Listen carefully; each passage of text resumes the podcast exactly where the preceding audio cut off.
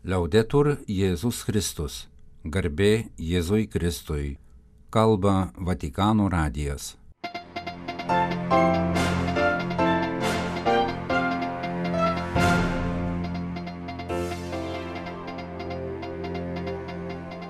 Malonus klausytojai šioje penktadienio gegužės 19-osios programoje Lietuvos karito atstovų vizitas Vatikane.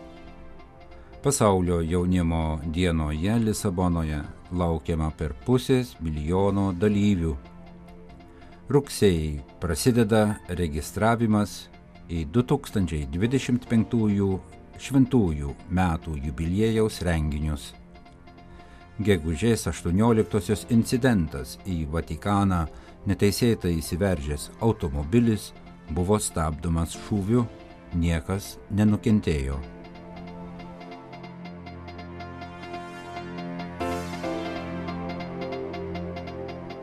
Gegužės 11-16 dienomis Romoje posėdžiavo Caritas Internationalis generalinė asamblėja, kurios darbuose dalyvavo apie 160 nacionalinių karitas organizacijų delegatų, taip pat iš Lietuvos.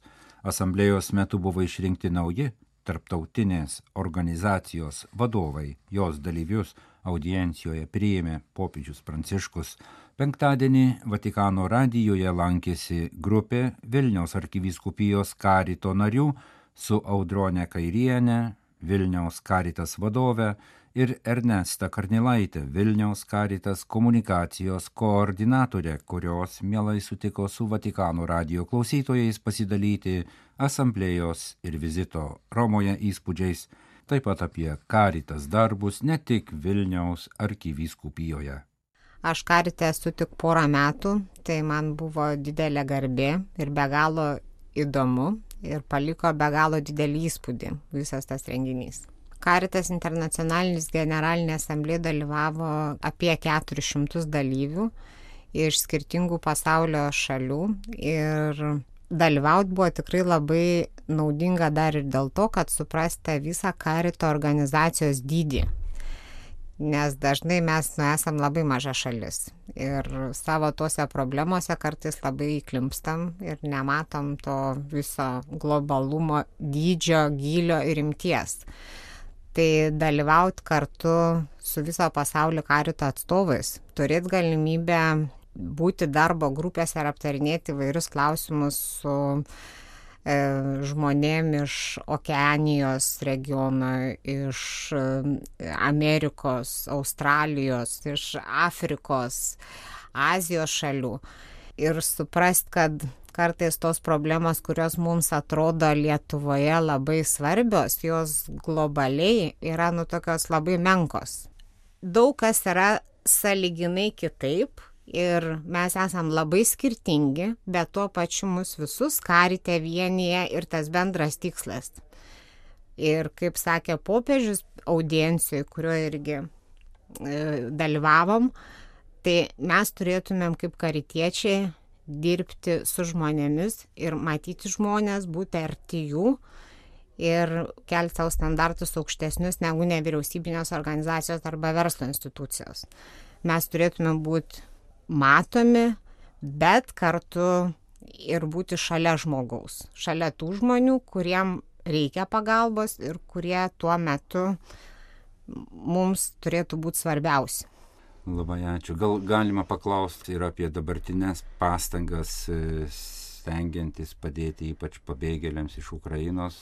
Tai Vilnius arkiviskupijos karitas kartu su visų Lietuvos karitu įsijungė, aktyviai pradėjo veikti prasidėjus karo veiksmam ir pabėgėlių e, iš pradžių mes ten plūdį turėjom tikrai didelį, bet e, žmonių buvo besikreipiančių pagalbos tikrai daug. Žmonėm reikėjo gyvenamosios vietos, reikėjo maisto, hygienos priemonių, nu, to elementarių dalykų išgyvenimui. Dabar, kai jau praėjo daugiau negu metai nuo karo veiksmų pradžios, ką stebim, kad žmonių emocinė ir psichologinė būsena labai blogėja ir jų reikia daugiau psichologų pagalbos ir konsultacijų palaikymo ir tik tai net tų pirminių, kai žmonės atvykdavo kai kurie šoko būsenui, bet dabar yra jau tas jaučiamas nusivylimas, nuovargis, žmonės nori namo, kai kurie vat neranda tos savo vietos. Vieniem vienaip sekas, kitiems sekasi daug blogiau.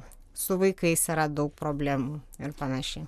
Tai kaip jūs šias problemas sprendžiat, juk reikia daug žmonių ir pagalbos ir kapiliariniai dirbti visur ten, kur yra e, apsigyvenę pabėgėliai iš Ukrainos. Mes turim labai šaunę programą, e, šeimų draugystės programa. Ta šeimų draugystės programa jinai vyksta per parapijas ir parapijos savanoriai ir parapijos žmonės yra labai įsitraukę. Tai yra 11 parapijų. Papildyti apie šeimų draugybės programą, jos principas yra toks, kad uh, šeimos, e, lietuvių šeimos draugauja su ukrainiečių šeimomis ir vienišais asmenimis. Mes, vat, e, mes esam tik tarpininkai, sujungiantis juos draugystiai.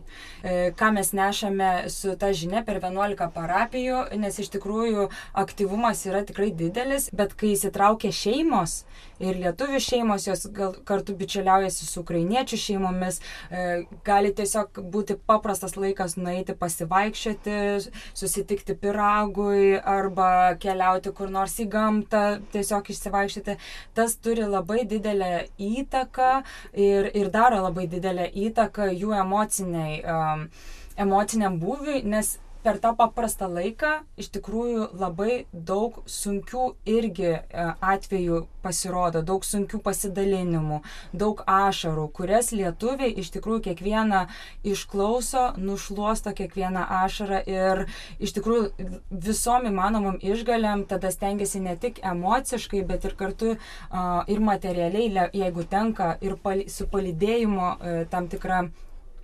pagalba tikrai išvesti ukrainiečius gyvenančius Lietuvoje iš to karo siaubo ir to bėgimo siaubo, iš kurio jie tikrai ukrainiečiai turėjo imtis to ne savo norų ta programa, kurią pradėjome mes Vilniaus arkiviskupijos karite šeimų draugystės, jinai E, turi tą e, galimybę ir jau plečiasi į kitas viskupijas. Ir labai mes tikimės, kad šita graži tradicija, sakykime, jau per metus tapusi, jinai paskui trauks ir perspektyvoje tai bus, galėtų pereikti ne tik į E, draugystės tų ukrainiečių šeimų, bet įtraukti ir e, lietuvių šeimas ir mes kartais nepamatom tų šalia savęs esančių kaimynų, kuriem gal irgi reikia kažkokio mentorystės, pagalbos, draugavimo ar kartais tiesiog pokalbio.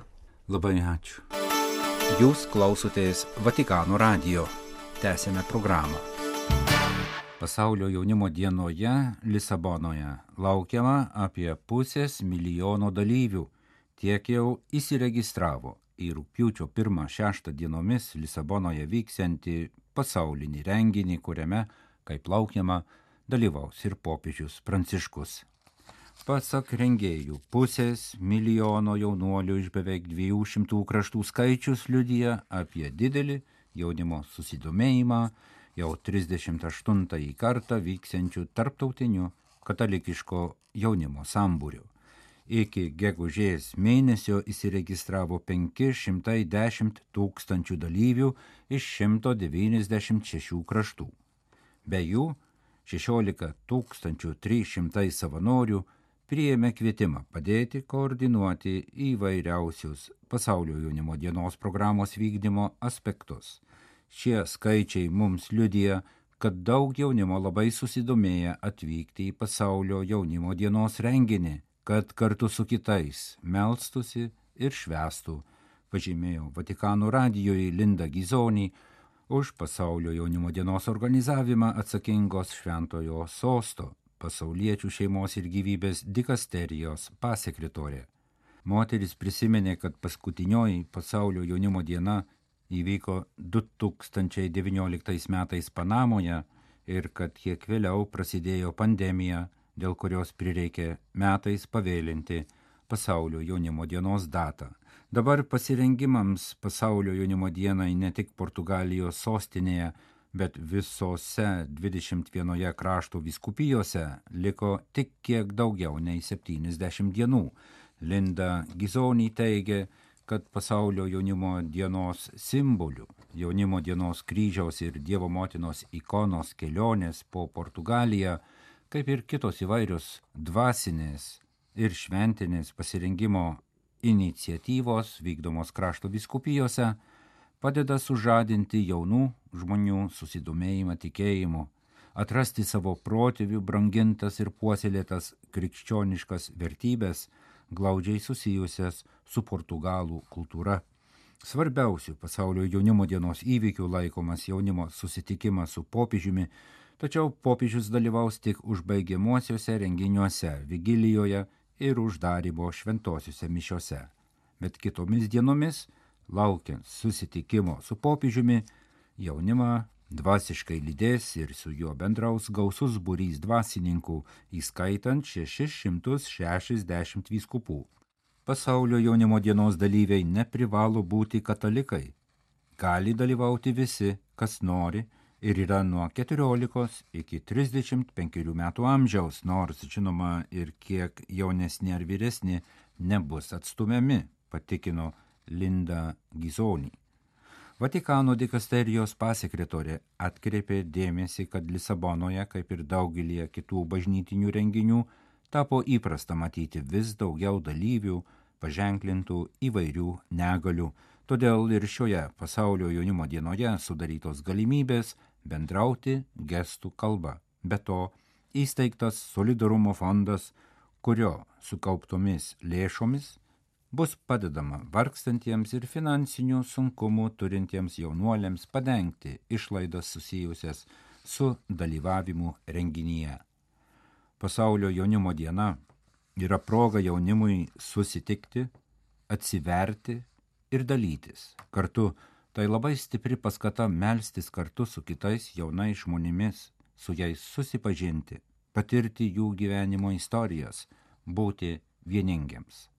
Pasaulio jaunimo dienos patirtys gali paskatinti atsiverimą šventosios dvasios maloniai, atrasti vietą bažnyčioje.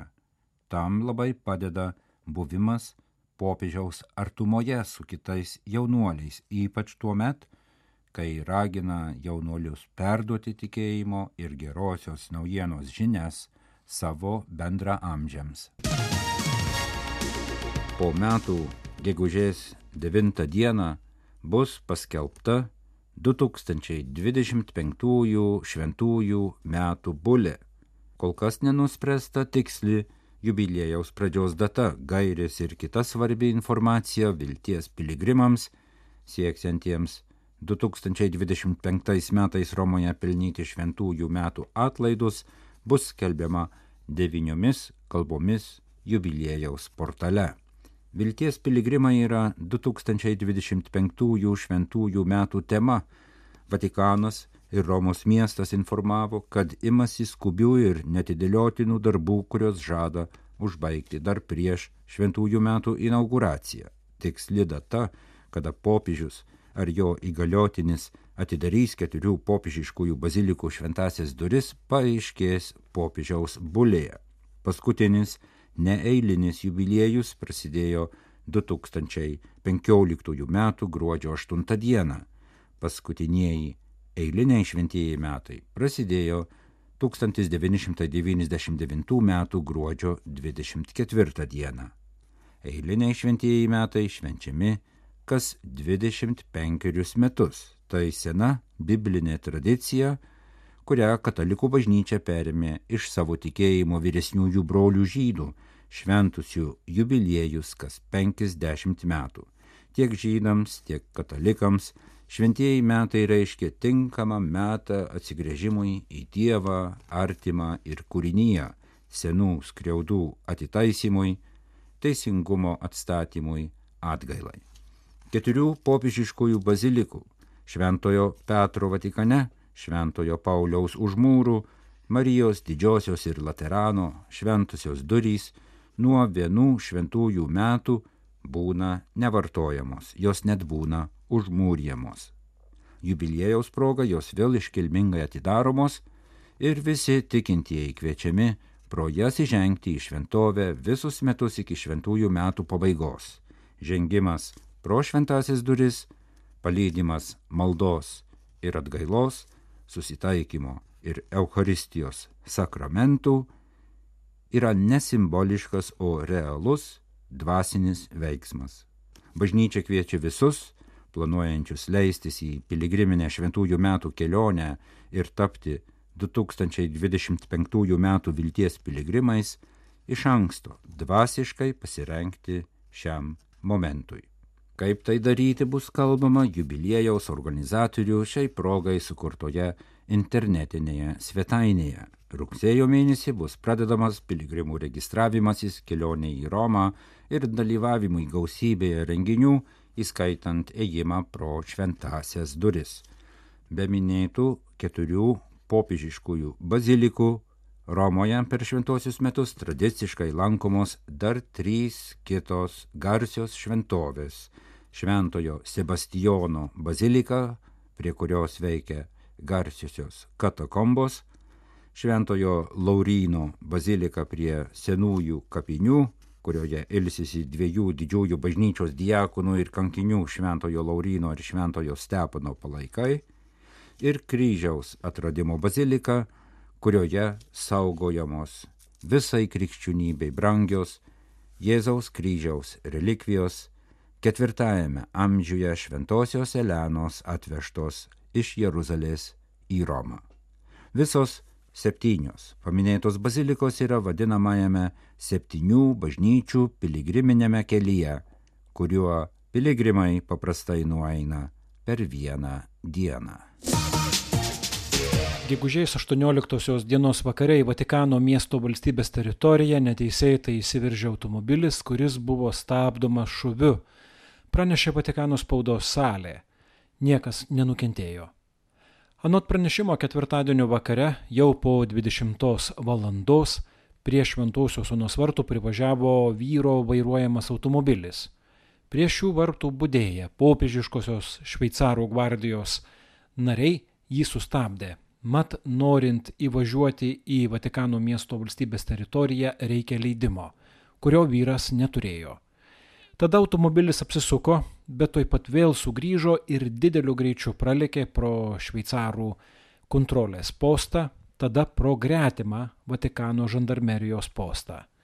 Vienas žandaro inspektorius, norėdamas sustabdyti automobilį, paleido šūvį padangą, kuris pataikė į automobilio kairįjį priekinį sparną.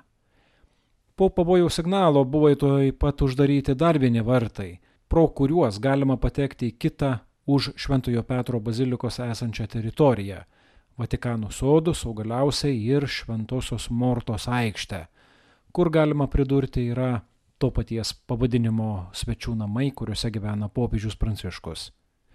Automobilis savo kelionę baigė Šventojo Damozo aikštėje Vairuotojas pats iš jo išlipo ir ten toj pat buvo areštuotas. Anot Vatikano spaudos salės pranešimo apie 40 metų amžiaus vyras buvo apžiūrėtas būdėjusių gydytojų, kurie nustatė didelį psichofizinės būklės pakitimą. Vatikano spaudos salės pranešime pridurima, kad penktadienį vyras buvo saugomas žandarmerijos areštinėje, laukiant kitų teisminių sprendimų.